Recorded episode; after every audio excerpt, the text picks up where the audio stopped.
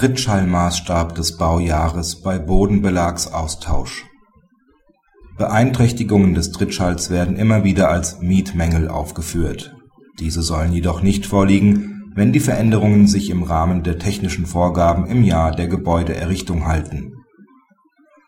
In einer Eigentumswohnungsanlage, die im Trittschallschutz den Vorgaben des Baujahres um 1970 entspricht verändert der über dem mindernden und jetzt beklagten Mieter Wohnende den Bodenbelag, wodurch es zu höheren Geräuschentwicklungen kommt, die sich aber noch im Rahmen der seinerzeitigen Richtwerte bewegen. Nach Meinung des BGH liegt kein Mangel vor.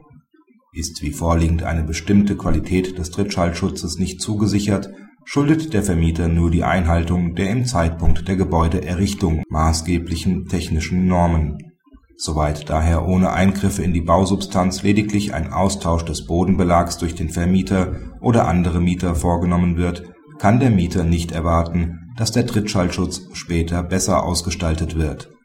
Der Vermieter will insoweit nicht dafür einstehen, dass der bei Anmietung bestehende Zustand auf immer eingehalten wird.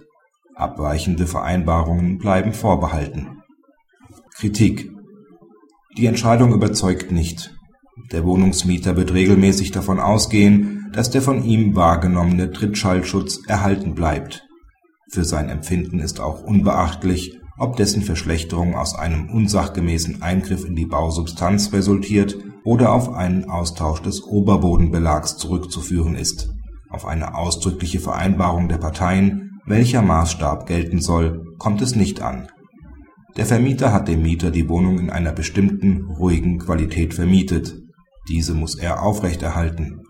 Der Vermieter ist dem Mieter insoweit auch nicht schutzlos ausgeliefert, denn im Mietvertrag kann er vereinbaren, dass der Trittschallschutz immer nur in dem Umfang geschuldet wird, wie er zur Zeit der Gebäudeerrichtung vorgesehen war. Damit verhindert er den Nachbesserungsanspruch des Mieters, welchem wiederum aber das Risiko von Veränderungen bekannt sein kann